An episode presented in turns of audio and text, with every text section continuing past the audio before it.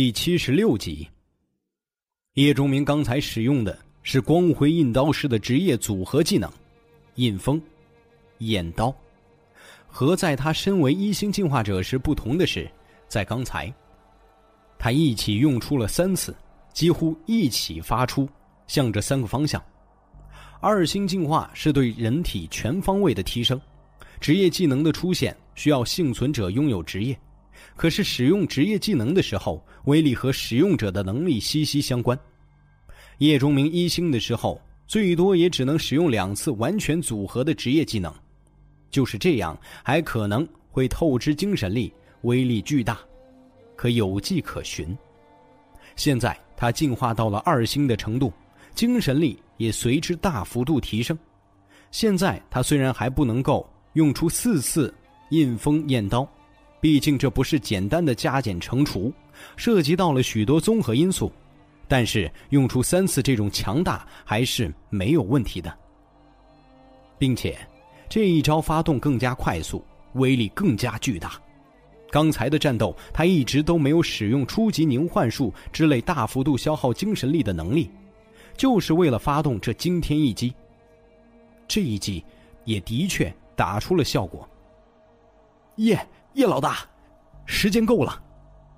黎强脸色涨红，虽然这么强大的人不是他自己，但同为人类，黎强还是感到了荣耀，说话都有些结巴。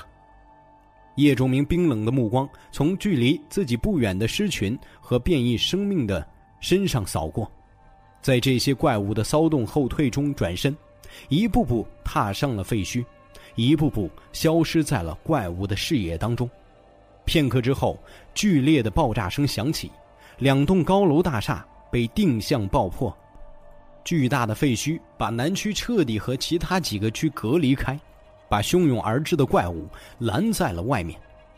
远处，叶团长的眼中还残留着刚才叶钟明那一击的残像，他面色扭曲，身体突然猛烈颤抖，之后发出了仰天长啸。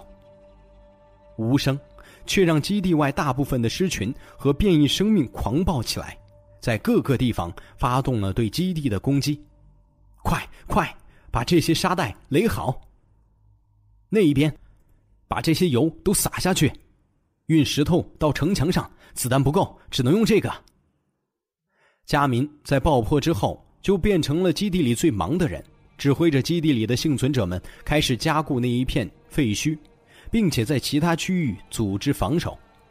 虽然对于加民的突然出现和接过了基地领导权，很多人心中疑惑甚至不服，但是在丧尸工程关乎每个人生存的时候，有人站出来，还是赢得了大家的尊崇。全部忙碌着，尽量的修补防御。对于狮群攻击比较激烈的地方，不少人都会自发上去防守，效果如何不说。至少从士气上，比之原来强了不少。直到黄昏的时候，外面狮群攻击才渐渐平息。在狮群退去的瞬间，很多基地里的幸存者们瘫倒在地之后，感受着劫后余生的幸福。这一天的时间，基地数次面临危险，特别是南区那边炸出来的废墟，因为并不是垂直的，就算高度不低，但总有些变异生命可以攀爬上来。就让那边的防守一度吃紧，如果不是小虎、莫叶、夏雷等人坚守在那里，现在的新区基地可能已经变成了狮群的美味食场。甚至在临近黄昏的时候，不少二级生命发起了一轮总攻，逼得一直在房间里恢复精神力和体力的叶钟明都不得不再次出现在战场上，带着小队的成员把这些怪物赶了下去。当黑夜来临，双方偃旗息鼓之后，一天战斗下来，人类的死亡数字让人心惊胆战。从昨夜的混乱到今夜防守战结束，新区基地一共伤亡了超过三千人，其中大部分都是死亡，受伤的只有几百人。这就是末世的残酷，有的时候受伤，哪怕是一点点轻伤，在没有免疫药剂的情况下。就意味着死亡。东区一栋和平年代留下的会所里，新区基地的领导层聚在了这里。叶钟明盘坐在角落，闭着眼睛休养身体。小队的人也四散坐在一边，看着佳民、大明、黎强，还有今天战斗中表现出色的三个人在一起商量事情。这三个人中有一个是进化者，叫做乐飞，以前是金大厨的手下，口碑算是最好的，这也是他还能活到现在的原因。其余两个人都是跟着叶钟明参与了清晨废墟防御战的人。受伤的人，按照叶老大的吩咐，都绑了起来。佳民说出这句话的时候，神色有些怪异。叶钟明在清晨的时候告诉他，防御战结束之后，把被变异生命抓伤的人要全部控制起来，集中绑在一起。其实每个人都清楚，没有免疫药剂。被抓破一点皮就意味着死亡，可是真正这么做起来，受到的阻力是很大的。试想一下，这些人刚刚为了保卫基地流血流汗，转眼就要成为阶下囚，是谁都会不忿甚至反抗。在执行这个决定的时候，就发生了不小的骚乱。好在因为进化者的介入，迅速平息了下来。不过，基地还是因为这个决定。变得有些不稳。叶钟明睁开了眼睛，缓缓站起来道：“这么做，一是为了基地的安全，一旦有人在基地里变异，不用外面的狮群进攻，我们自己就乱了，所以必须控制受伤的人。可是他们都是勇敢的人，至少他们敢于去抵抗丧尸，而大多数的人只会躲在家里瑟瑟发抖，这不公平。”一个表现出色、获得了认可的普通人有些感同身受。他虽然没有受伤，但今后他自己可能会遇到同样的遭遇，难免有些心理波动。那你说怎么办？任由他们变异？面对质问，这个人叹了一口气，低下头。他也只是发泄下心中的感受。其实连他自己也不知道该怎么办。我们不把他们绑起来，就要把他们赶出基地。他们会变异，加入丧尸大军，攻击他们生前保卫的地方。难道这就公平了？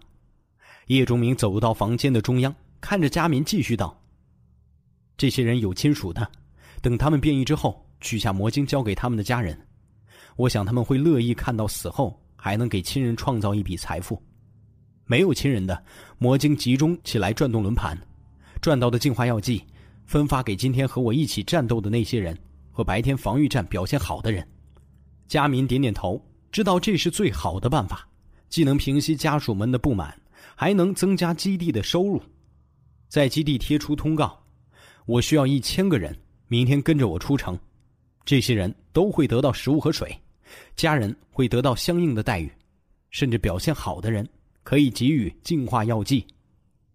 叶钟明吩咐之后，看着佳民点头答应，脸上浮现出了一丝笑容。我只是教给你如何控制好一个基地，放心，我不会在这里当太上皇的。以后这里是你的，不过我在的时候，我说了算。从兜里掏出一个东西，扔到佳明的怀里。叶钟明带着小队的人离开了。屋子里剩下的人都看向了佳明怀里的东西，露出了羡慕的神色。那是一瓶净化药剂，是一张通往天堂之门的入场券。老大，这里不好吗？为什么我们要离开？走在外面的路上，小虎抓耳挠腮，不懂为什么叶钟明要放弃这个已经控制住的基地。其他人也不明白，纷纷看向叶钟明寻求答案。这里有轮盘，不仅有一级轮盘，还有二级轮盘。假以时日，足以让小队的成员都成为二星进化者，并且叶钟明已经取得了这里的绝对控制权。基地里没有任何势力能够和他对抗，他可以在这里想做什么就做什么。换句话说，他就是这里的王，可以按照他的想法做许多事情，拥有绝对的权利，可以利用这个基地的资源让他快速的强大。他有更好的目标吧？夏雷已经算是小队的又一个正式成员，自然跟着大家。通过莫叶，大家也都略微知道了一些夏雷的遭遇。对这个女人心中很是同情，背叛总是伤人最深。叶钟明笑笑：“你们说，这个基地最大的优势是什么？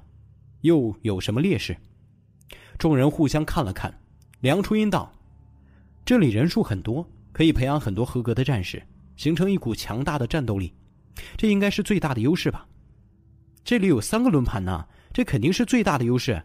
小虎立刻接道：“这倒是得到了不少人的认可。至于劣势，武器弹药太少，防御力量薄弱。”看到众人赞同他，小虎洋洋得意的继续分析。听朱明说吧，朴老师现在绝对是叶钟明的坚定支持者。越是看到了末世百态，他越觉得只有叶钟明这样的人才能活下去。这里最大的优势其实是资源。叶钟明目光投向了黑暗中的基地之外。你是说那些怪物？夏雷拢了拢头发。不肯定的问，叶钟明点点头，而劣势是这里只有二级轮盘。大家怔了怔后，瞬间明白了叶钟明的意思。这个家伙竟然嫌弃二级轮盘等级低了。现在多少人为了一星进化药剂拼了命啊！不说别人，就说夏雷那个丈夫吧，不就是为了一瓶药剂把妻子都送人了？一面是为了一星药剂甘愿付出所有的人。一面是连二级轮盘都嫌弃等级低的叶钟明，这对比也太明显了吧！我还留在这里，就是因为外面的那些资源我还没有拿到。等我拿到了之后，我们就离开。还有许多事情等着我们去做。说着，拍了拍小虎的肩头：“放心吧，二级轮盘不是什么太好的东西，我会带着你看到真正的好东西。”叶钟明并没有解释的太细致。随着进入末世的时间越来越长，变异生命的进化等级会越来越高，一级魔晶会越来越难以弄到。前世就是因为这个原因，叶钟明才那么艰难的成为了进化者。后来二星甚至三星药剂都没有一星药剂那么难以获得，所以他深知现在储备越多的一级魔晶，在末世初期的这两年用处就越大。现在外面成千上万的普通丧尸就是一级魔晶的最好来源，他要尽量把这些丧尸解决，填满自己的腰包。依靠自己的小队是无法做到短时间内获得大量这种低级魔晶的。这个基地里的人力资源却可以在叶钟明的领导下做到这件事情。是的，叶钟明留在这里的唯一目的就是外面这些行走的财富。具体如何做，跟着我就知道了。现在，我们去发几笔小财。东区靠近边缘的一栋大楼里，有一家银行的新区分行坐落在这里。叶钟明带着人进入到分行内，走到了一扇金属门前。金库，小虎过来敲敲，又左右看了看，发现门是锁着的。保险库而已。叶钟明回道。现在金库里都是些钞票、贵金属，没什么用处。保险库里面有好东西吗？乐大远通过这几天的相处，和大家也都熟悉了，说话做事也随意了很多。还好，不是太复杂的锁，给我点时间应该可以打开，不过需要一些工具。用手电筒仔细看了看这扇金属门锁，乐大元有信心打开。他毕竟是搞精密仪器出身，对于锁具的原理很了解。用不着那么麻烦，这又不是国家金库啊。叶钟明说着，抽出掺入了鬼金的风之月，顺着金属门的缝隙就刺了进去，使劲划了几刀，生生把门锁的位置给切开了。大家对这种暴力突破的行为还有些不习惯，心中有些罪恶的小兴奋。保险库里面很规整。数个巨大的金属架矗立在里面，上面布满了带着编号的保险箱。这些保险箱有大有小，上面的锁也不同，有些是机械锁，有些是指纹的，应该是高低档不同造成的差异。这里面估计有不少东西啊！我看看，小虎活泼，现学现卖，拿着风之月就开始切这些保险箱。在白色级别的武器面前，这些仅仅是材质比较好的金属柜子，脆弱的就像豆腐。雷姐，雷姐，快来看，这是祖母绿吗？小虎切开了一个保险箱，把里面储藏的东西拿出来，在一个盒子里发现了一块绿色的石头，赶紧叫来见多识广的夏雷来辨识。嗯，是祖母绿。夏雷那手电筒照了照，粗略分辨了一下，道：“她嫁给了秦宇之后，才对这些奢侈品有了些认识，和真正的富人相比，眼光相差不少。只是在武警系统里，算是对这种东西鉴别能力最强的了。得值不少钱吧？这么一块儿，夏雷想想道，起码价值近百万吧。我去，发财了！大家立刻不去理脑袋缺根弦的家伙。钟明，这里有什么好东西吗？叶钟明目光在保险柜的号码上掠过，来到了一个标着 B 幺八的保险箱前。风之月切开锁，从里面拿出了一个黑色的长匣。记得我们在市场遇到的两个进化者吗？叶钟明提着匣子回答梁初音。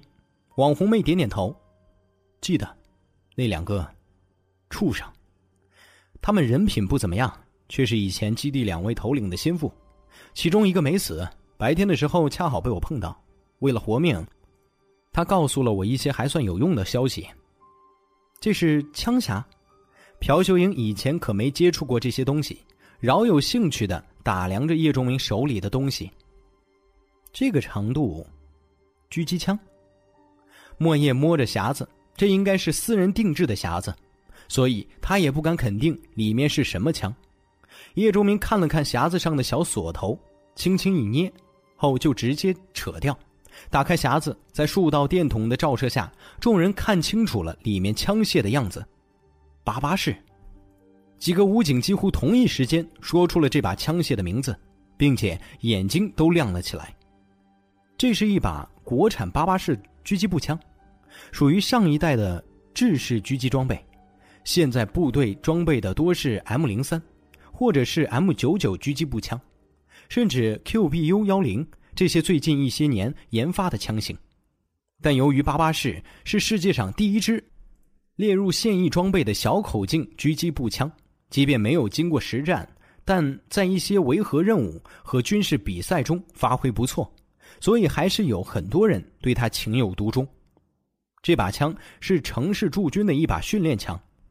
末世开始后，金大厨攫取了营地的领导权，把这把枪据为己有，利用手下杨石龙原来是银行人员的便利，把枪存入了这里，作为了他的底牌之一。可惜的是，他死了，这枪留给了杀死他的人。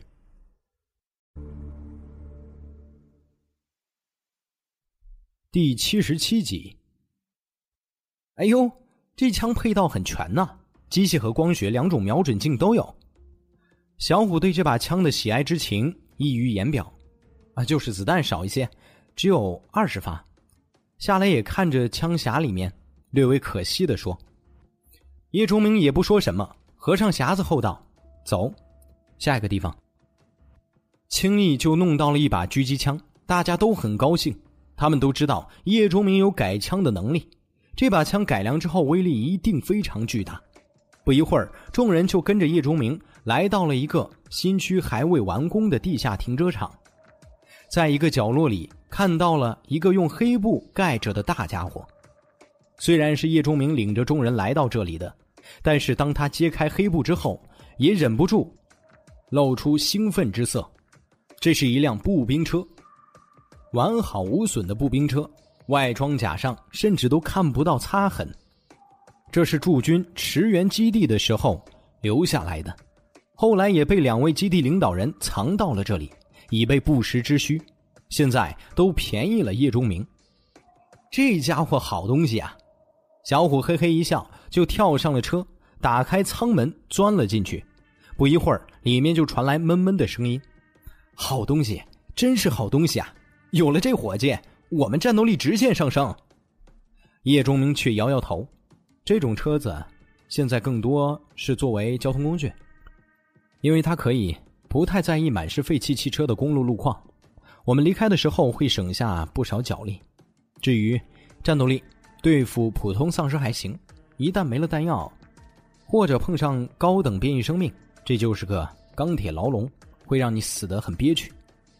小虎跳了出来，他白天的时候也看到了各种各样诡异生命那些更加诡异的能力，知道一切不能用末世之前的标准来看了。但是有了这家伙，还是给人以安全感。老大，这东西好是好，暂时却用不到。你不是说发几笔财吗？难道还有？叶钟明点点头。接下来可能有些危险，不过，我想大家都不在意的，是吧？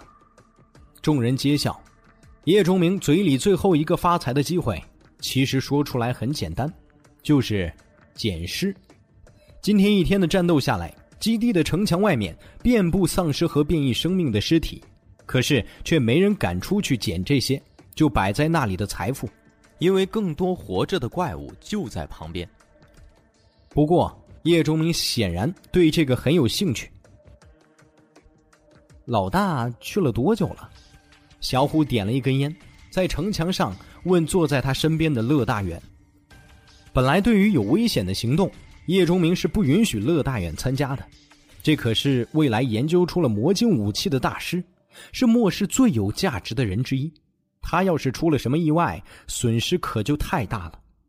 但乐大元也是个要强的人，看到小队的人都在打生打死，只有他自己躲在一边，分享着大家用命换来的资源。他嘴上不说，心中却是很在意的。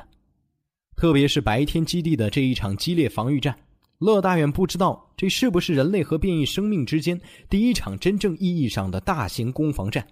但他却因为没有亲身参与其中感到羞耻。没人去怀疑叶钟明的决定，也就没人去质疑为什么乐大远可以不参加战斗。小队的人员隐约知道这是一个技术人才，是以后可以给小队提供巨大帮助的人，所以对乐大元也都很照顾。可越是这样，这位未来的大师越是觉得自己是个废物。都成为进化者了，却还躲在人后，所以这一次他说什么也要跟来，哪怕是做后勤接应这些工作也好。叶钟明考虑一下，答应了，让未来的乐大师经历一些战斗也好，或许对他以后还有益处。有半个来小时了吧？乐大远朝着外面漆黑一片的城市望了一眼。老大很神秘，老了你觉不觉得？乐大远侧过头，借着烟头上微弱的光亮看了小虎一眼，缓声道：“每个人都有自己的秘密。我不是这个意思，我是说，你不觉得老大很多时候都未卜先知吗？他好像对末世很了解。那又怎样？”乐大远这句话把小虎问的愣住了。“是啊，那又怎样？难道还能离开叶钟明自己出去闯荡吗？”想想没有了老大身边那种不踏实感，小虎哆嗦了一下，赶紧把这个念头有多远甩多远。他有秘密又如何？另一边，梁初音的声音悠悠传来：“这个网红躺在自己的鞭子上，装着小龙女。无论他如何神秘，或者有着如何的身份，我只知道是他救了我的命，给了我进化药剂，让我成为进化者，教会我战斗，教会我。”如何在这个混蛋的末世活下去？城墙之上的小队成员都静静听着，心中闪过这些天来大家在一起的画面。他给了我这些，却连我的床都没爬上来。换成别的男人，老娘别说那层膜，可能都不再粉嫩了。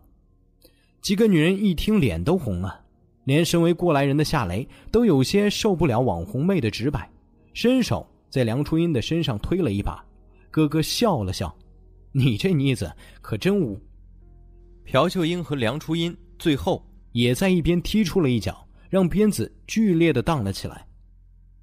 狗嘴里吐不出象牙，有些话不说憋屈，说出来矫情，但我还是要说。或许现在说钟明是信仰什么的有些早，可我相信以后就会是这样的。网红妹身体随着鞭子在半空飘荡。她本就有着很好的舞蹈基础，风舞者的职业和进化者的身体更是让她的身体柔韧无比，自控力极强。我是幸运的，我觉得大家都是，我们能活下来，能活得好好的，都是因为这个刚过二十岁的小男人在。我不知道你们是怎么想的，反正我是会一直跟着他，他有什么秘密也好，甚至狗血一样肩负着什么使命也罢，我都会跟着他。做好人行，做坏人也行。让我救人我就救人，让我杀人我就杀人。你可真没底线！朴老师轻哼了一声，可语气不是责怪，更像是开玩笑。底线这玩意儿多钱一斤？能当饭吃吗？能换来进化药剂吗？我只知道我的底线就是。钟明的敌人就是我的敌人，钟明要做的事就是我要做的事。以后天使也好，恶魔也好，我都会和他一样的颜色。众人都沉默了下去，他们知道梁初音是叶钟明最忠实的拥趸，只是没想到已经到了这种愿意放弃自我的地步。我是农村一路走出来的，没遇到几个好人，倒是遇到了不少魑魅魍魉。每个人都想把我扒光了，好好玩一玩。愿意付出的，只是他们一顿饭，甚至一个电话就可以解决的事情，却要我付出我最美好的东西。在末世之前，我都没遇到给予我这么多的人。现在是为了一块面饼就能杀人的末世，能遇到叶钟明，我很满足。乐叔、雷姐，虽然你们不说，脸上也笑着，但我知道。你们看着黑漆漆的夜空时，心中一定会想起你们曾经爱着却伤了你们、背叛了你们之人的影子，这是人之常情，也是你们不愿意提及的经历。可就是这样，我才觉得相比于我，你们更应该珍惜这个现在不知道浪去哪里的小男人。他或许不算好人，也绝不高尚，但却给了我们现在还在跳动的心脏，还温热有感觉的身体。给了我们站在这里，藐视尸海的资格。哪怕以后我会为了他付出生命，被他出卖背叛，我也绝无怨言，因为我的命本就是他给的。高处的风声和丧尸的嘶吼飘荡在城墙之上，每个人都在品味着网红妹的话。过了一会儿，乐大远哈哈一笑。从钟明把我从冰冷而屈辱的家属楼救出来的时候，我老乐的这条命就是他的。我不是什么古代气味相投、一杯黄酒下肚就甘愿赴死的侠客，我只是个谁救了我的命，我就感谢谁；谁给我吃的，我就跟着谁；谁对我好，我就对他好的俗人。小虎挠着头，脸上就和吃了黄连似的，苦的一逼。我，就问问老大怎么这么神秘？你们这都把我说成恶人了，我我肯定跟着老大呀！你们都是职业者了，我还不是呢。再说老大说以后带着我以后看好东西，我还没看到呢。众人都笑了，真心的笑，不是因为小虎，而是因为在战斗和鲜血之间，彼此有了一种认同感，一种在同一个身影下的认同感。我和雷姐还有秀英都说过，莫叶摸了摸风之月冰冷的刀身，我想看看这个男人，最终会走到哪里。在梁初音嘴里不知道浪去哪里的叶钟明，此刻正站在新区一家大型饲料加工厂的巨大配料池边，神色复杂的看着下面的尸坑。这里是新区基地的抛尸之地，每天。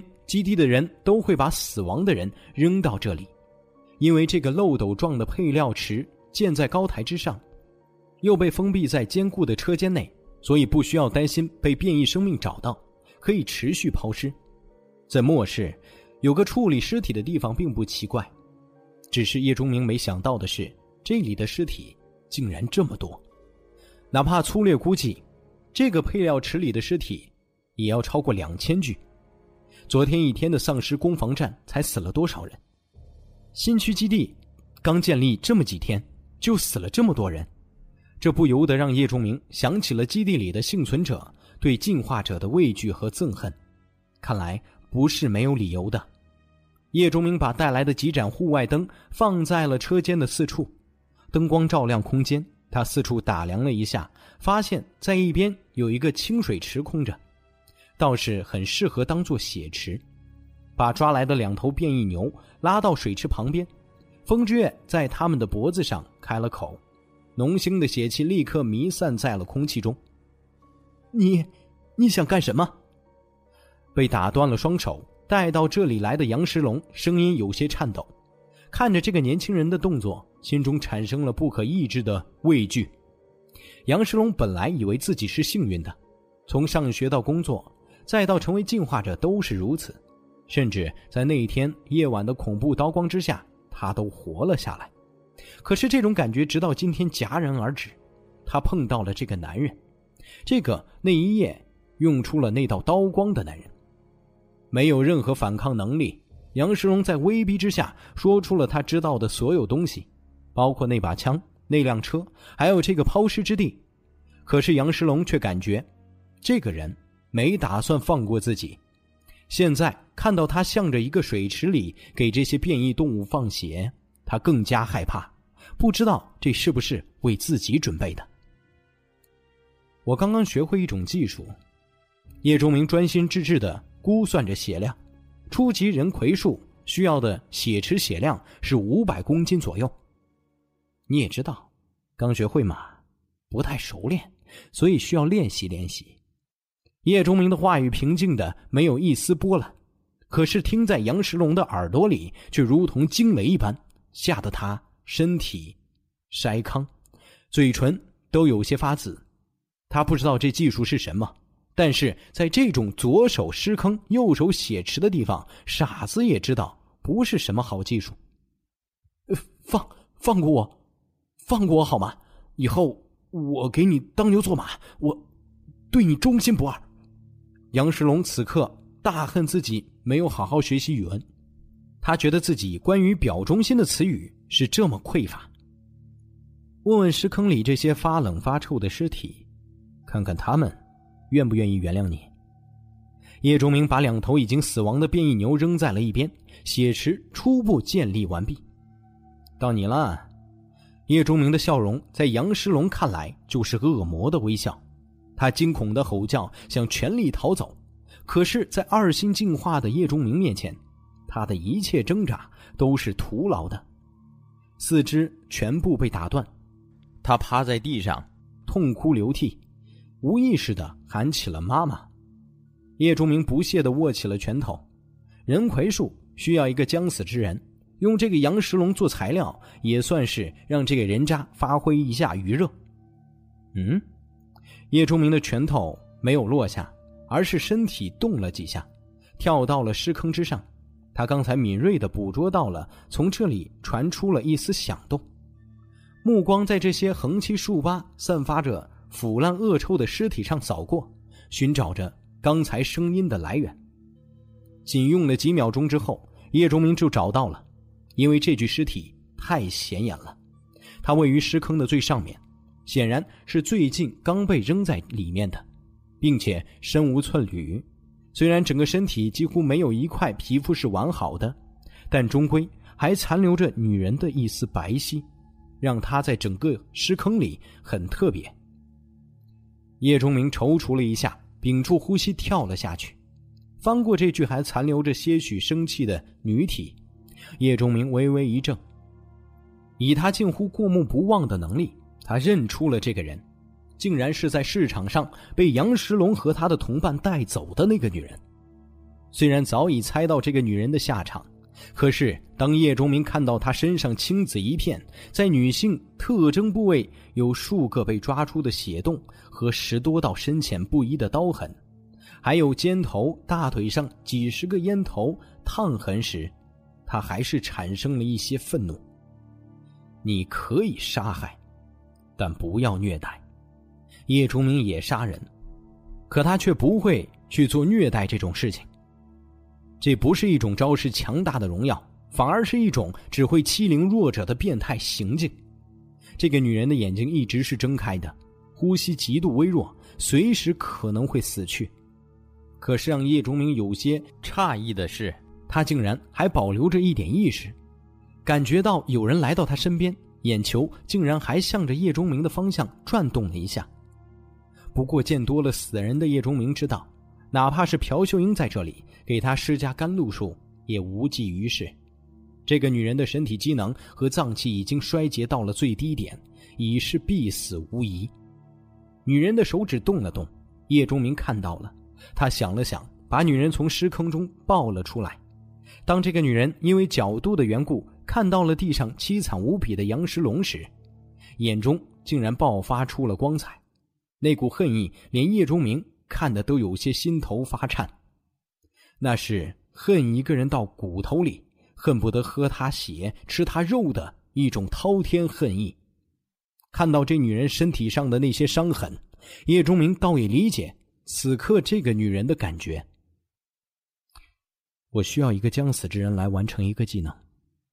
叶钟明在女人身边轻轻说了一句：“我不知道以后你会如何，但至少，你还用另一种方式活着。”相对而言，你比他更有资格。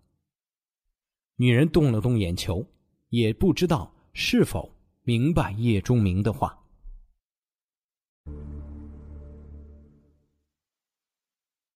第七十八集，把马上要死去的女人放到了血池之中。叶钟明从空间水晶里取出来时收集到的三百毫升丧尸血液。缓缓注入到了女人的颈动脉之中，完成之后，又迅速把五枚二级魔晶扔在了血池子里，掏出一星药剂，硬灌入了女人的嘴里，接着就发动了初级人葵术。本就没有恢复满状态的精神力被抽之一空，血池在精神力支撑的技能之下开始翻滚起来，就像下面烧着火，已经沸腾了一样。女人的身体缓缓沉入了血池当中，本来漂浮在血水之上的二级魔晶也一起随之下沉，一股股黑色能量流到魔晶中吸出，变成一条条黑线环绕在女人的身上，就像一道道枷锁。接着，乳白色的光亮从女人的身体里发出，即便是她整个人都陷入到了血池中，也掩盖不住这股光亮。整个血池被映射的有些透明，光芒甚至照亮了半个车间。一些怪异的响动从女人的身体里发出，缓缓的，她的身体在血池底部开始转动，速度不快，却极其的有韵律。血池里沸腾的鲜血随之形成了漩涡。叶钟明发现，这些变异生物血液在飞速的减少，并且五枚二级魔晶已经不见了踪迹，全部化成了。黑色的细线缠绕在女人的身体之上，竟然组成了神秘的花纹。漩涡、血水、女体，组成了一幅让人毛骨悚然的画面。面对这种场景，叶钟明只是静静的看着，倒是一边疼痛稍减的杨世龙被吓得瑟瑟发抖。这个女人，他当然认识，昨天他还曾经和同伴一起肆意的凌辱过她。更是亲手把他扔到尸坑之中，只是杨石龙没想到的是，他扔下这女人之时，他已经奄奄一息。没想到时隔一天，竟然还没死透。更加麻烦的是，叶崇明竟然知道自己和这个女人之间的事情，并且好像应该让自己要做的事情被这女人替代了。那么自己还有什么利用价值？杨石龙有些不寒而栗。甚至都暂时忘掉了骨头断掉的疼痛。叶崇明看着血池，当里面的鲜血被这女人吸收的只剩下一点点的时候，他快速用风之月割开了自己的手掌，鲜血滴落到了女人的嘴边。这种情况一直持续了半晌，期间因为进化者的快速愈合能力，叶崇明又割了自己两次，才满足了技能上写明的对使用者鲜血的需求。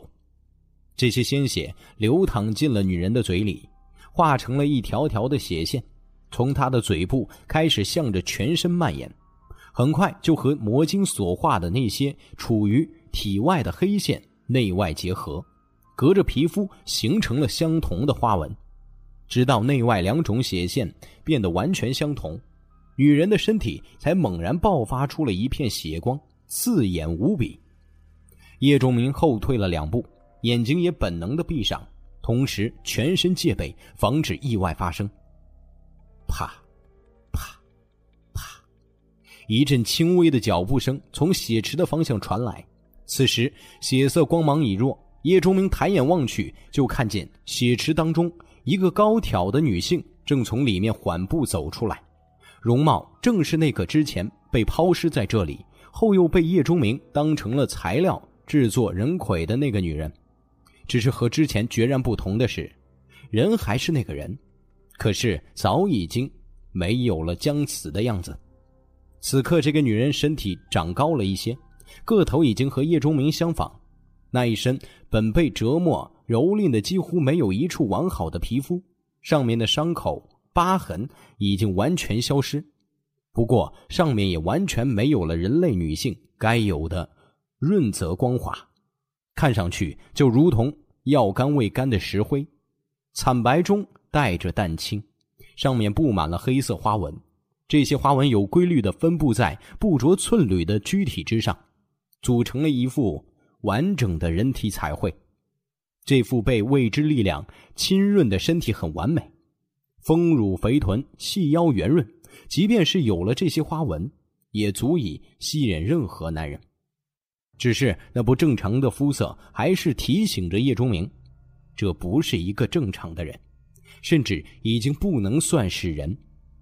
那张本就清秀美丽，也因此而被杨世龙看中的俏脸。也同样有着黑色的花纹，脸部皮肤和身体处类似，给人清白粗粝的感觉。一双眼睛已经变成了血红色，甚至发着幽光。最让人侧目的，则是那一头及腰长发，竟然是血红血红的，比鲜血都要艳丽。叶钟明看到了这个从血池中走上来的女人，女人也看到了叶钟明。两个人的目光在空中交织，叶钟明的脑海里就轰的一下，仿佛多出了什么东西。这种轰鸣和眩晕、疼痛仅仅持续了两秒，叶钟明就知道自己的意识当中多出了什么。那是一种很玄妙的感觉，叶钟明不知道该如何形容。如果一定要用语言来表达，就是好像这个更像是厌鬼的女人，她的意识融入自己的脑子。让他拥有了一把遥控器，或者命令仪，通过这个可以控制这个女人人魁。叶钟明倒是没有慌张，虽然这种自己脑子里多出了一点什么的感觉还有些不适应，可他知道，这定是初级人魁术的一部分。女性人魁缓步走到叶钟明的身边后，就垂手立在了这里，静静的站着，如同一具木偶。离得近了，叶钟明才发现，这个女人身体的变化远不止自己刚才看到的那些。最让叶钟明感兴趣的是，这些身体上的花纹并不是纯黑色，上面有一些晶莹的小点。这些小点非常非常微小，以至于离得近后，叶钟明才发现，并且这些小点也并不密集，看上去就和魔晶的晶莹有些类似。除此之外，叶钟明还发现，这个女人魁的双手非常奇特。以人类角度看，忽略皮肤，只说形状，是非常漂亮的。可是叶钟明一眼就看出，这双手的食指很尖，特别是指甲的部位，虽然没有如刀般的利甲，却有着非常立体，如同圆锥一样的指尖。双手下垂，手指自然弓着，却给人力量之感。这是一双杀人的手，最后就是看起来很粗糙的青白色皮肤，这种颜色和质感让叶钟明想起了前世见过的石肤术。虽然这个女人的皮肤远没有那么重的岩石感，但却有些相似。叶钟明轻轻用手碰了碰，冰冷坚硬，想来拥有很强的防御能力。这就是铁狮。叶钟明围着这个女人转了一圈，特意伸手探视了呼吸和脉搏，发现脉搏还在，只是跳动的有些诡异，一分钟只有几下，每一下都特别有力，呼吸却几乎没有了。这一下，叶钟明也不知道这铁狮到底是活还是死了。制作人魁铁狮需要变异动物的血、丧尸病毒、魔晶、净化药剂和主人的血。叶钟明不是科学家，他无法解释这种反应。但是从这女人的皮肤样子眼睛、头发的颜色，还有身体，他猜测铁狮应该是集中了进化者、变异生物和丧尸的一些特点而成。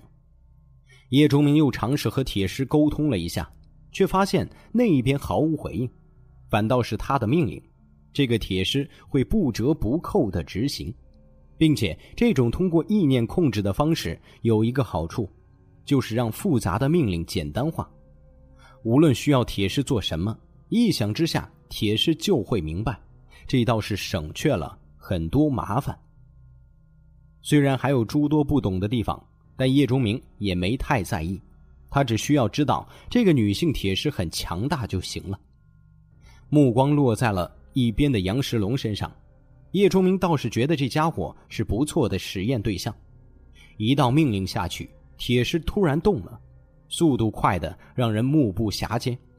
他瞬间冲到了杨石龙身边，右手直接插进了他的胸膛。进化者的骨骼在这一击面前脆弱的如同一张纸。杨石龙本想大叫，可是却发现没有丝毫力气，身体猛烈的颤动了一下，他的心脏就被无情捏爆，并且本来已经完成了必杀一击的铁狮那双猩红木然的眼睛，竟然直视着杨石龙的脸，接着那张拥有美丽唇形的嘴张开，一口咬在了。这个进化者的脖子上，肆意的吸取着他的鲜血，仿佛在发泄着什么仇恨似的。叶哥去了这么久，不会有事儿吧？大明被找来做接应工作，婉瑜众人来到这里之后，又等了许久，也没有见到叶钟明的出现，就低声问身边的小虎：“老大会有什么事情？”小虎仔细擦拭着风之月。对这把刀很是爱惜。小虎，姐平时对你不错吧？夏雷走了过来，一屁股坐在小虎身边，脸上带着大大的笑容。小虎一听，立刻转过了身，把风之月死死压在了身下，双手抱头，闷声道：“一码归一码，雷姐，我知道你想干嘛。告诉你，你不会得逞的。”看到小虎的样子，众人都笑了。夏雷也无奈的敲了敲小虎的脑袋：“我学过刀，你学过吗？你拿着能有我厉害吗？”“学过，你教我的。”小虎回道。“你气死我了！”夏雷轻轻踢了小虎一脚，拿这小子没办法。夏雷以前跟着刀法名家学习过，说起身手，莫叶可能和他不相伯仲，但是刀法还是夏雷最厉害，甚至莫叶和小虎的一些用刀心得和技巧。都是从夏雷那里得来的，不就是一把刀吗？城墙的另一侧响起了一个声音，大家立刻都站了起来，就看到叶钟明从黑暗中走了出来，身后还跟着一个人，把手里的一把风之月给夏雷，这是叶钟明刚才出去时候制造的。夏雷接过，顿时就喜上眉梢，这东西几乎是小队的标配了，只是他之前没好意思和叶钟明说。他是谁？借着微弱的亮光，大家还没发现叶钟明身后跟着的铁尸模样怪异，只以为是个人。梁初音就过来问了问，叶钟明没回答，只是来到城墙上看了看外面，对大家道：“一会儿我们从这里下去，大明，你带着人在两侧弄出声响，并且把找来的那些肉扔下去。”指了指两个方位，叶钟明继续道：“吸引丧尸的注意后。”我会先下去清理周围的丧尸，并且尽量给大家创造好些的环境。只是这种机会特别短暂，所以动手一定要快。不管捡到了多少，看到我返回，你们一定要跟着回来。记住，我们不是去战斗，而是去捡东西。说完之后，众人立刻把准备好的绳索从城墙上垂了下去。叶钟明对着大明点点头，这家伙立刻跑到了不远处，让早就等着。那里的人开始敲打一些东西，弄出声响，在吸引了周围丧尸的注意之后，把准备好的肉食扔了下去。看到狮群向着两侧集中过去，叶钟明就当先从绳索上顺了下去，而铁狮则更加干脆，直接从城墙上一跃而下。我去，这是个什么东西？眼睛是红色的，头发也是红的。小虎趴在城墙上。去看刚才突然跳下去的那个人。惊鸿一突之下，他发现了异常，好像是丧尸，不过被钟明控制了。乐大远不确定的猜测。口哨声传来，大家不再议论，纷纷顺着绳索下去，拧开插在肩头准备好的手电筒，就开始飞速的从白天攻防战留下的尸体上挖魔晶。先于众人下来的叶钟明，则带着铁狮在清理附近的丧尸和变异生命。叶钟明一边杀着丧尸，一边注意铁狮的战斗。他发现这个家伙简直就是人形兵器，他的双手随意一抓，就能捏碎丧尸脑袋，或者轻轻一插，就可以破开坚硬的头骨。并且铁狮力量巨大，刚才一头变异家猪被他直接撕成了两半。那几百斤重的尸体被扔出了老远，有些怪异的皮肤防御力很高，无论是丧尸的牙齿还是爪子，甚至变异生命的撕咬和撞击，都不能给铁狮造成什么伤害。只是一头窜过来的二级兽化丧尸咬了铁狮肩头一口，那里才出现了两个浅浅的洞，却没有丝毫鲜血流出来。如果换成进化者，哪怕是二星进化者。被这种兽化丧尸咬上一口，也要掉一块皮肉。可铁狮仅仅是受了轻伤，叶钟明由此判断，铁狮皮肤的防御力应该和三星进化者差不多，比自己要强上一点点。当然，虽然铁狮就是依靠身体战斗，利用力量和速度击杀敌人，没有天赋技能之类的能力，但战斗力也很可观，基本上要比普通的一星进化者强。甚至某些没有技能或者主职业的二星进化者遇到铁狮也会很头疼。虽然重生了一次，但叶钟明依然对这种人魁术的强大感到赞叹。看来潜意识自己真的错过了不少好东西。有了这样强大的帮手，叶钟明战斗起来更加游刃有余。只是铁狮强是强，就是战斗的时候太猛了些。刚给他找的衣服。这么一会儿就破烂不堪了，上面沾满了鲜血和血肉碎块。走，感到周围的丧尸越来越多，叶钟明立刻下令撤退。众人也不恋战，顺着绳子回到了城墙上。等到叶钟明上来之后，立刻收起了绳索。至于铁狮，他直接用双手插在废墟组成的城墙之上，几下就上来了。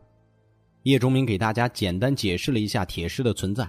众人恍然之后，再一次对叶钟明神秘莫测感到心惊不已。有了第一次的经验之后，接下来大家轻车熟路，等到凌晨时分，已经把城墙周围基本上捡的差不多了。等回到基地内一统计，大家都说发财了。收集到一级魔晶足有一千三百多枚，二级魔晶也有二十几枚。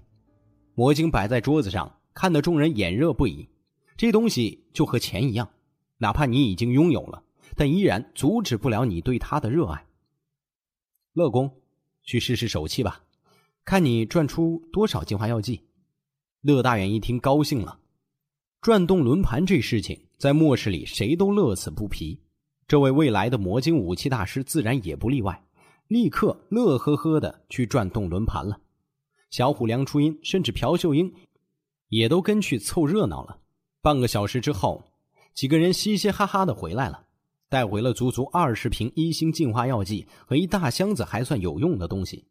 平均下来，花费六十多枚魔晶就可以转动到一瓶净化药剂，这份运气还算可以。接着，就是这二十几枚二级魔晶了，大家都有些摩拳擦掌。他们还没有转动过二级轮盘呢。二级轮盘在这个时候对任何人都是有着极大吸引力的，哪怕是叶钟明也不例外。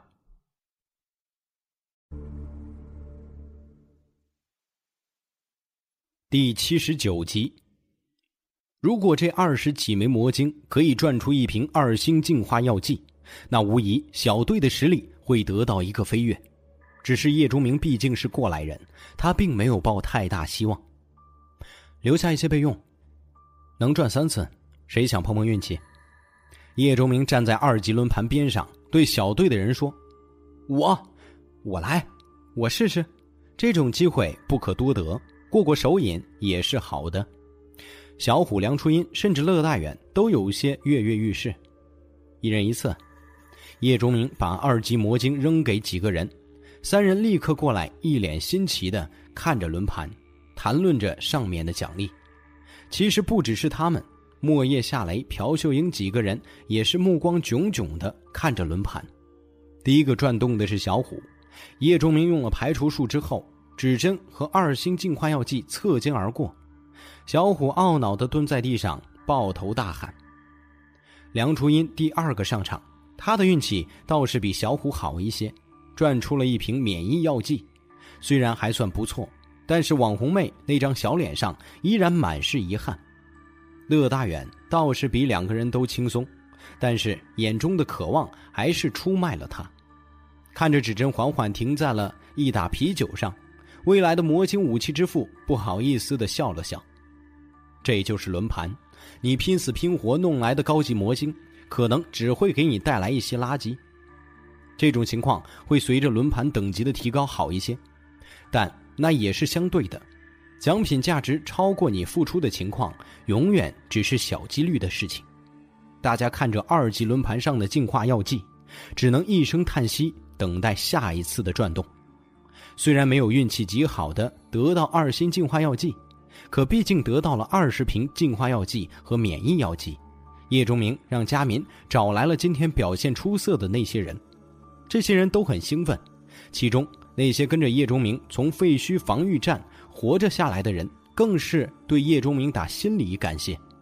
正是因为这个男人的一句话，他们才有了获得成为进化者的机会。算上大明，大厅里集中了十三个人。这些东西大家都认识。叶钟明的面前摆着一排净化药剂，在灯光之下闪着诱人的光彩。除了个别人还能镇定之外，其他人看着净化药剂都本能的咽了咽口水。你们今天的表现值得拥有这些东西。叶钟明目光在这些人的脸上扫了一圈之后道：“不过，这也是用我和我的人舍生忘死从外面捡来的魔晶换的。”所以净化药剂可以分给你们，不过明天，你们需要和我们一起出城战斗。佳民早已把明天需要一千青壮年出城战斗的事情在基地里公布，在场的这些人自然也都知道，这是一件自愿的事情。不过因为有净化药剂的诱惑，有食物和水的诱惑，还有因为今天攻防战让更多人认识到和丧尸之间的死敌关系，认识到了基地的危机。所以很多人是打算出城赌一下的。现在叶钟明这样说，无疑是有了些要挟的意思，这让一部分人心中就有些波动。不过面对净化药剂的诱惑，他们无法抵抗，没多想就都同意了。叶钟明点头，示意佳民把这些药剂给他们发下去。这些人得到了药剂之后，立刻都迫不及待地注射了下去。片刻之后，大厅中多了十三个一星进化者，大明也是其中之一。他握着拳头，感受着身体里充盈的力量，兴奋之情溢于言表。大家回去早点休息吧，明天天一亮我们出发。叶钟明交代了一句，众人纷纷离开。佳明和大明还有黎强留了下来。叶哥，你需要的东西我们准备了不少，不过和你需要的数量还是有差距的。这已经是基地最大的能力了。梁春英觉得叶老大太土，强烈要求其他人都管叶钟明叫叶哥。佳民等人也从善如流。说着这些话，佳民脸有愧色，很不好意思。没事儿，有总比没有强。明天出城之后可以到处找一找。叶钟明摆摆手，表示没关系。明天佳民留下，李老大。你再给佳民派些人，一起负责我们离开后基地的安全问题。黎强点头答应。见识过了叶钟明的强大后，他心中已经完全拜服。叶钟明说什么就是什么。好，如果一切顺利，明天这个时候，我们或许会大发一笔。一夜的时间迅速过去，天刚刚蒙蒙亮的时候，叶忠明和小队的成员就站在了东区出口附近的空地上。这里也是今天集合的地点。另一边，大明早早起来，组织来不少人，正在把叶忠明需要的东西运过来。李强也带着人负责现场警戒。随着天色渐亮，不少基地里的幸存者纷纷赶来，接受小队简单的检查挑选，青壮年才可以入选。为了增加吸引力，入选的人立刻可以吃一顿饱饱的早饭，甚至家人也可以分到一碗不是很稀的粥。为了这一次行动，基地的存粮一下子消耗了一大半。在饥饿的威胁之下，很多人为了这一顿饭就甘愿过来卖命，甚至一些年纪有些大或者太小的人也想过来应征，可惜不符合条件，因此还产生了一些小骚乱。可惜在进化者和枪械之下，马上被压了下去。六点钟的时候，一千人已经选得七七八八，再有十来分钟应该就够数量了。对于基地近六位数的人口来说，其实这一千人的数量并不算什么。佳明怎么还不来？大明看到选人基本结束，却看不见佳明到来，就有些着急。叶钟明冷冷一笑，他刚才数了数今天来的进化者，就知道佳民被什么事情耽误了。果然，半晌之后，佳民出现了，脸色却不太好。怎么了？出事了？大明和佳民关系最好，快走了两步问。佳民拍了拍大明的肩膀，直接拉着他来到叶钟明面前道：“叶哥，事情有些棘手。”在佳明的叙述中，大家都知道发生了什么。除了叶钟明脸上没什么表情之外，其他人包括黎强都露出了愤怒之色。原来昨夜这些刚刚成为进化者的人回去之后，心态就有了变化，其中的一些人。没有如同大家以为的那样好好休息，而是做了不少事情。这些事情无一例外都不太好。有几个进化者回去之后就杀了人，理由是身为普通人的时候，有人抢了他的食物，打过他，甚至迫害过他的家人。现在成为进化者了，要报仇雪恨。还有几个人抢了别人的东西，甚至还侮辱了两个女子。除此之外。就是成为进化者之后，不愿意再去冒险，想待着安全的基地里，把昨天成为进化者之前做出的承诺都忘记。十三个新晋进化者，今天只来了七个，近一半的人都没有出现在这里。佳民去寻找他们，可是得到的结果就是两个字：不来。态度不好的，甚至还威胁起了佳民，让他滚蛋，否则就要教训他。没有处理过类似的事情，也习惯了听从叶钟明的吩咐。佳民忍着怒气回到了这里，不知道如何处理。叶钟明看着佳民，脸上有了不满之色。我说过，以后这个基地你说了算。你这两天做的，都是如何建设基地，就没想过如果有不服从你的人，你如何去处理？我，佳民张了张嘴。对于这种事情，他真的不知道该如何处理。你记住，在这个世界上，处理问题，归根结底只有三种方法。叶钟明的声音提高了一些，让周围的人都听到。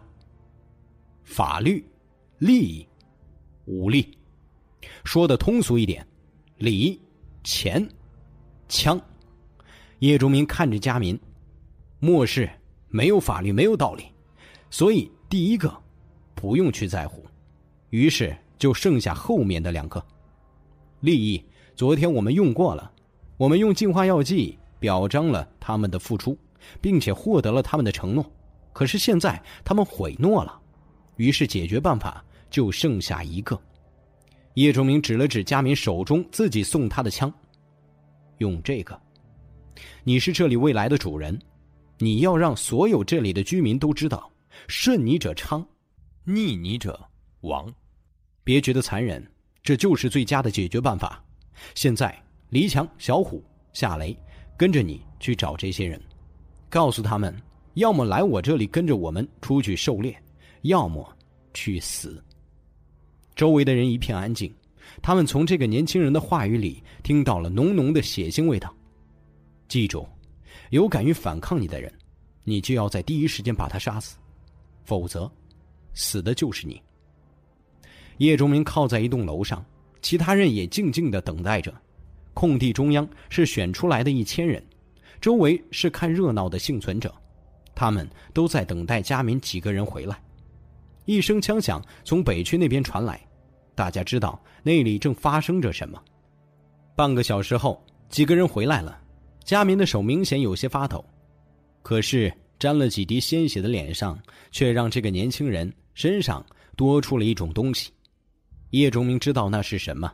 那是一种在末世里终将发生的蜕变，他只是把加民的这个过程提前了。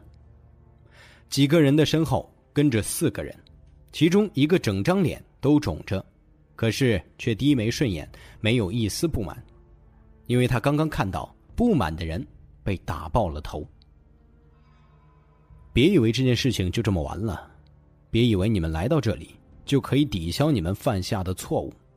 今天好好表现，如果不能让我满意，那么我既然能给予，也能收回。叶忠明冷冷的对着四个人说了一句之后，大手一挥，队伍出发。东区的出口，叶忠明昨天走了一次，就是那家铁狮诞生的饲料加工厂附近。进化者们先出来，悄然无声的清理着周围的变异生命，清理出足够的空间。接着，一千人陆续从下水管道中出来，不少人带着叶忠明要求的东西：木料、铁钉、钢丝、匕首、肉类、斧头、铁锹、锄头，甚至还有没什么用处的家电家具之类。很多人这是在末世开始后第一次出基地，神情都很紧张。整支队伍保持着绝对的安静，在叶忠明的带领下，朝着一个方向行进。大概一个小时之后，队伍来到了一个还未完工的小区。叶忠明四处观察了一下，决定把设伏地点就放在这里。地点选定，进化者立刻开始清理周围的危险，并且在四周设置岗哨。大明、小虎等带着人，开始收集可能对一会儿的战斗有用的东西，比如沙袋、钢筋、铁锨、废弃的汽车等等。而夏雷、莫叶等人则带着人，拿着叶忠明昨夜画出的草图，在这个还未完工的小区里设置一道道障碍和堡垒。梁初音、朴秀英则帮助乐大远用手上的材料在设伏地四周布置从叶忠明那里刚刚学来的陷阱。这些陷阱并不复杂，无非就是些陷坑、绊锁之类。复杂一些的，也既是利用很简单的杠杆原理。或者平衡原理设置的小巧机关，叶忠明把这些东西讲上两遍，动手示范一下之后，基本上都会掌握。对于乐大远这种从事精密仪器研究的，这东西再简单不过。他和他带来的几个助手立刻就成为了骨干。叶忠明则带着大部分人，在这个小区对着基地的这一侧大肆挖坑挖沟。这些沟壑并不是胡乱挖的。可是有些某些规律，这些出来干脏活累活的人自然不懂，叶忠明也不会去解释。这些沟壑都是前世学来的技巧，是很多学者根据丧尸的步幅、步速、行走习惯等等诸多因素算出来的最佳比例，可以有效的起到延缓狮群的作用。甚至发展到后来，这样的地面防御沟壑复杂到让人看得头疼的地步。可以对三级以下的丧尸都有着显著效果。人类虽然在进化速度和整体实力上相比于变异生命一直处于劣势，但是在整体智慧上却从来都是遥遥领先，并且随着时间的推移，正逐步磨平人类和非人类之间的差距。等到所有的地方基本上都按照叶忠明的构想完成之后，已经过了正午，叶忠明命令所有人休息，又饱餐了一顿之后。开始分配任务，从沟壑开始，到小区里障碍物堡垒的旁边，再到周围的制高点以及预备队，都布置的井井有条，对行动的步骤也交代的清清楚楚。之后，叶周明小队的几个人离开了这里，去基地附近，去吸引狮群。看着叶忠明等人消失的背影，这些拿着各种各样简陋武器的幸存者们知道，战斗要开始了。叶钟明带着莫叶和夏雷，趴在一栋建筑的顶楼，用望远镜四处观察着。我们不是去引怪吗？为什么还不动手？莫叶蹲在叶钟明身边，看着不远处基地城墙下的狮群。夏雷也不懂，叶钟明辛辛苦苦弄这么大阵仗，却在这里待了十几分钟没动静。我在找人，找谁？叶钟明没回答。他现在说了两个女人也不懂。他在找之前已经被证实的猜测，能够控制狮群和变异动物一起攻城，在现在这个阶段，只有一种东西可以做到，而这种东西一定会以人类的形态出现。前世人们管这种东西叫做脑虫。脑虫个体并不是十分强大。他们只是速度快、身体小，善于隐蔽和偷袭，并且身体具有变色功能，能够周围环境完美融合，其他方面都脆弱，和现在没有进化的普通人似的。但稍加不注意，人类就会被他们袭击得手。一旦被脑虫击中，他们就会从身体的任何部位进入人体，通过血管进入大脑。并且在里面飞速的生长和变异，这种虫子不会让人马上死亡，而是失去自我意识，被活生生的控制，成为另外一种形式的行尸走肉。被脑虫控制的人类自身的能力同样不是十分出众，除了有很好的耐力和极强的恢复能力之外，他们最大的依仗就是对魔晶生命的控制。凡是有魔晶的变异生命。都要受到脑虫控制的人类傀儡影响。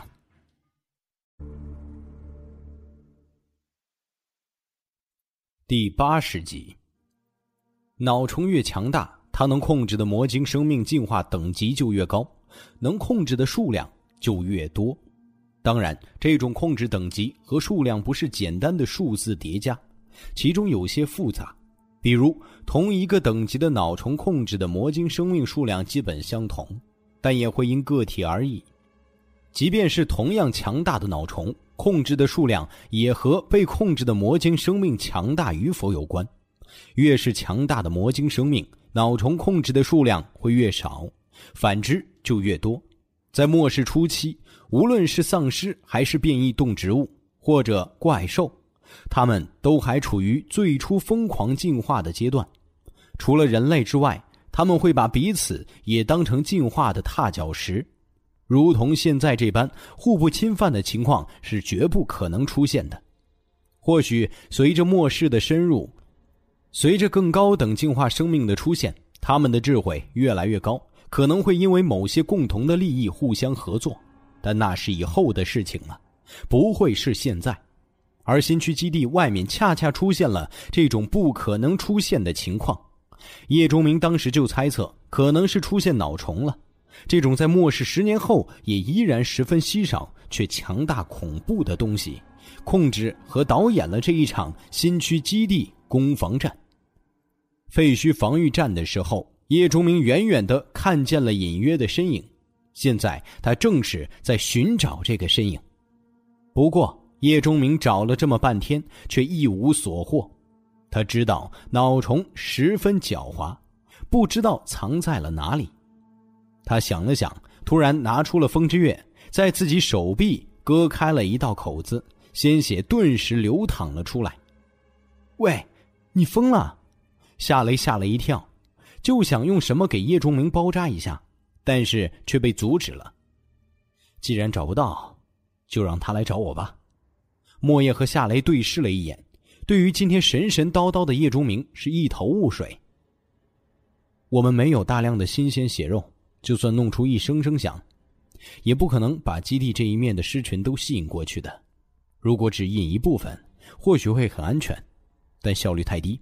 一旦天黑，我们的战斗力就会大减，变异生命却不会受到影响。与其这样，不如让他来找我。他，他是谁？控制这些家伙的东西。叶钟明扬了扬下巴，手臂伸到楼顶边缘，把上面的鲜血甩了下去。脑虫自然不会无缘无故的攻击基地，它一定是有目的的。对于这种满脑子都是进食和进化的虫子来说，一定是新区基地里有什么在吸引着它。或许别人不知道，但叶崇明却意识到，这条虫子的目标很可能就是自己，因为自己是新区基地里进化等级最高的人。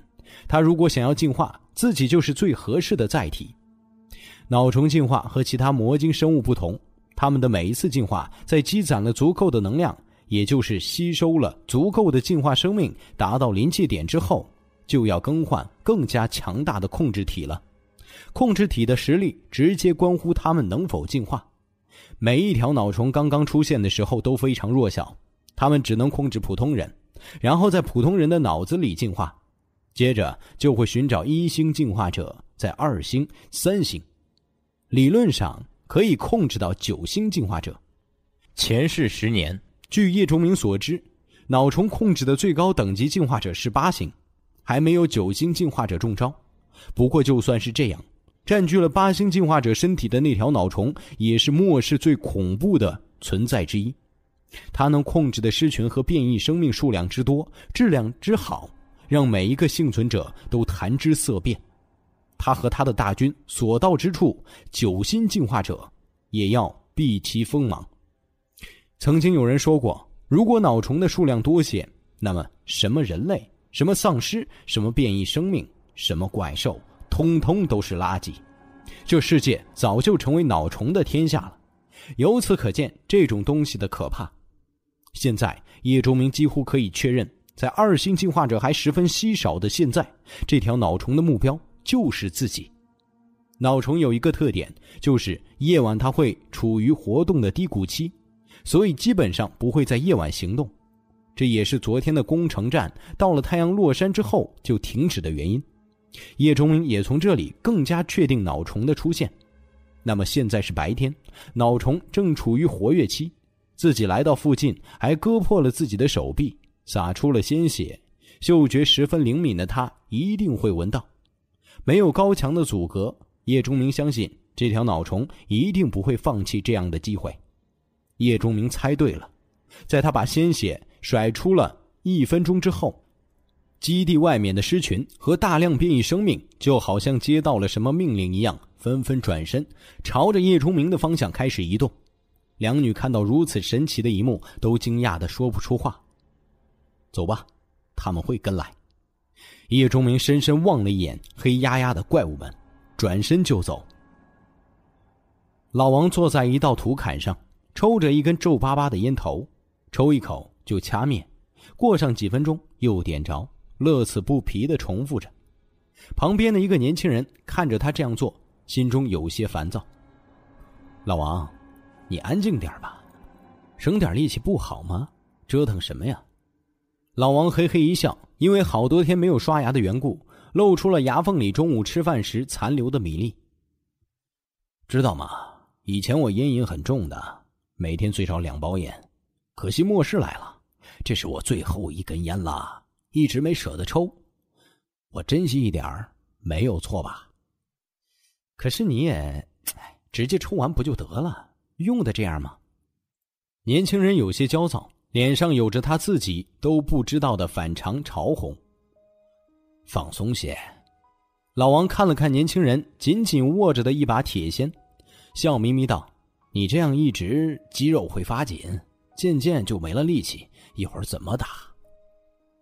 我，年轻人松松手，这才发现手心里全都是汗，他在裤子上擦了擦，神情也缓了缓。我知道你害怕，其实我也一样。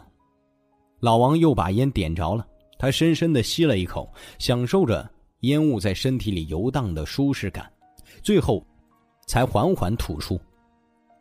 这是我最后一根烟了，抽完就没了。今天我可能会死，可不想把烟剩下。年轻人一愣，没想到老王竟然这么说。你可以不来的。今天的行动本就是自愿，怕死的人可以留在基地里。不来，老王笑着。不来，明天或许后天我就会饿死。现在来了，虽然很危险，很可能会死，但至少吃了两顿饱饭，死了至少不做饿死鬼。老王又吸了一口，手里的这根烟已经燃到了过滤嘴附近。我以前真不知道，梅桃还带着沙子的米饭，竟然这么好吃。旁边听着两个人对话的人，突然都朝着前面看了过去，发现三个人正在飞速的向这边跑来，正是基地里最强大的那些进化者。他们的身后密密麻麻的尸群已经露出了他们肮脏的身影。老王狠吸了一下，把烟头随即扔到了地上，用脚狠狠的碾了碾。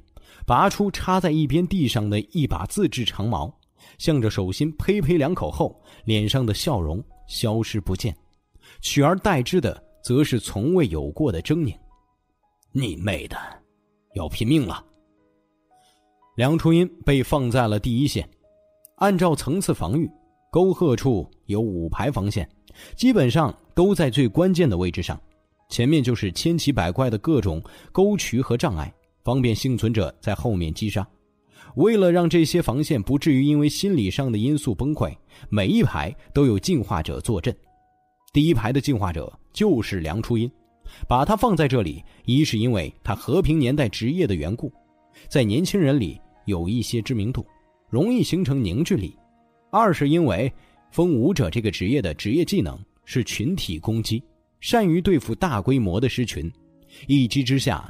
伤害会造成强烈的视觉效果，会极大提升幸存者的士气。看到叶钟明三个回来，梁初音立刻提着鞭子开始了动员。都精神点像个爷们一样，把你们偷瞄老娘脸蛋身子的勇气拿出来，朝着这些脏东西头上砍，别手软，否则老娘送你们一个称号——软男。很多人都笑了。这一排防线有近百人，参差分布着。第一排最先面对危险，所以即便是笑，其实也很勉强。要是换成一个男人来做动员，估计都是一张张扑克脸。说点实在的，挺过今天，或许你们将迎来不一样的人生。梁初音甩了甩手中特立独行的鞭子，像我一样，不少人的眼睛都亮了。进化这个词，现在对于任何人，特别是这些青壮年。男性的吸引力不亚于一个身材火爆、相貌绝美的漂亮妞。叶钟明到了阵前，夏雷和莫叶直接越过众人，他们的防区在后面，不要恋战。等到前面的沟被填满，狮群冲上来就向后撤退，进入后面小区里预定的位置。叮嘱了一声之后，叶钟明招来铁狮，一人一狮迅速消失不见。这里的指挥权交给了梁初音。狮群移动的速度并不快，所以从看到他们出现到这些怪物来到防线前这段时间，其实对第一次参加这种直面变异生命战斗的人们心理上是一个极大的考验。很多地方都出现了骚动，可这个时候已经没办法做出鼓励或者其他什么。狮群已经踏入了最前面的沟壑。如果在末世开始一年之后，这样的战斗，这个时候。攻击就会开始了，拥有远程技能的弓箭手、魔法技能者、枪手、投掷者等等都会发动攻击，给被地形阻碍的狮群造成大量的伤害。可现在别说远程职业者，就连枪械因为弹药的问题都几乎没法使用，所以幸存者们只能看着最前的狮群探入到壕沟土坎上，看着他们摔倒。混乱，践踏，直到有丧尸踩着同伴的尸体走过来，到了保护人们的土坎之前，幸存者们才开始了第一次攻击。这是最整齐也凶猛的一次攻击，利器嵌入头骨的咔嚓声，人类奋力一击的呼喝声，立刻响彻全场。黑血和脑浆飞溅到了半空，就好像下了一场小雨。尸体倒地，发出扑通的声音，为死亡奏响了序曲。死亡不仅仅是狮群的，还有人类的。即便是第一集就干掉了几十头丧尸，即便一鼓作气之下，人类爆发出了极大的力量，即便是有用科学证明了的沟壑防御法，可是这并不能抵消这些普通人战斗力的羸弱。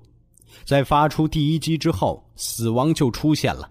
有些人经验不足，用力过猛，身体直接跌到狮群当中，瞬间被撕碎；有些人则把武器陷入到了丧尸的头骨之中，拔不出来，一下子变得赤手空拳；还有一些人连第一击都没有力气，面对丧尸变得手软脚软。丧尸们又岂会放过这样的机会？他们用牙齿和双爪收割着曾经同胞的生命。梁初音没想到第一道防线会败得这么快，他咬着牙发动了影四方五旋，长鞭把周围的丧尸屠戮一空。幸存者们的士气因为梁初音的出手而精神一振，很多产生了逃跑念头的人类也暂时停下了脚步，进而发动了反击。又是几十头丧尸倒下，可是第一道防线也在瞬间崩溃。退退退！梁初音站在最前面。抵御着狮群的攻击，他不能让死的人太多，否则后面小区里的防御力量就会变得薄弱，那里才是最后决战之地。刚才这么一会儿，第一道防线就死了二三十人。听到撤退的命令，幸存者们立刻向后退去。梁春甩出一鞭，把周围两个丧尸的脑袋抽碎，跟着向后退去。可没等他跑上两步，狮群中突然飞出了一个黑影，眨眼间扑到了近在咫尺的地方。梁初音的状态其实并不是最完美，他在昨天的战斗中被杀虫的血液溅到，中了神经毒素。虽然叶钟明随后就用前世的经验对此进行了处理，甚至还让朴老师使用了甘露术，可现在梁初音的身体依然是有些发僵的。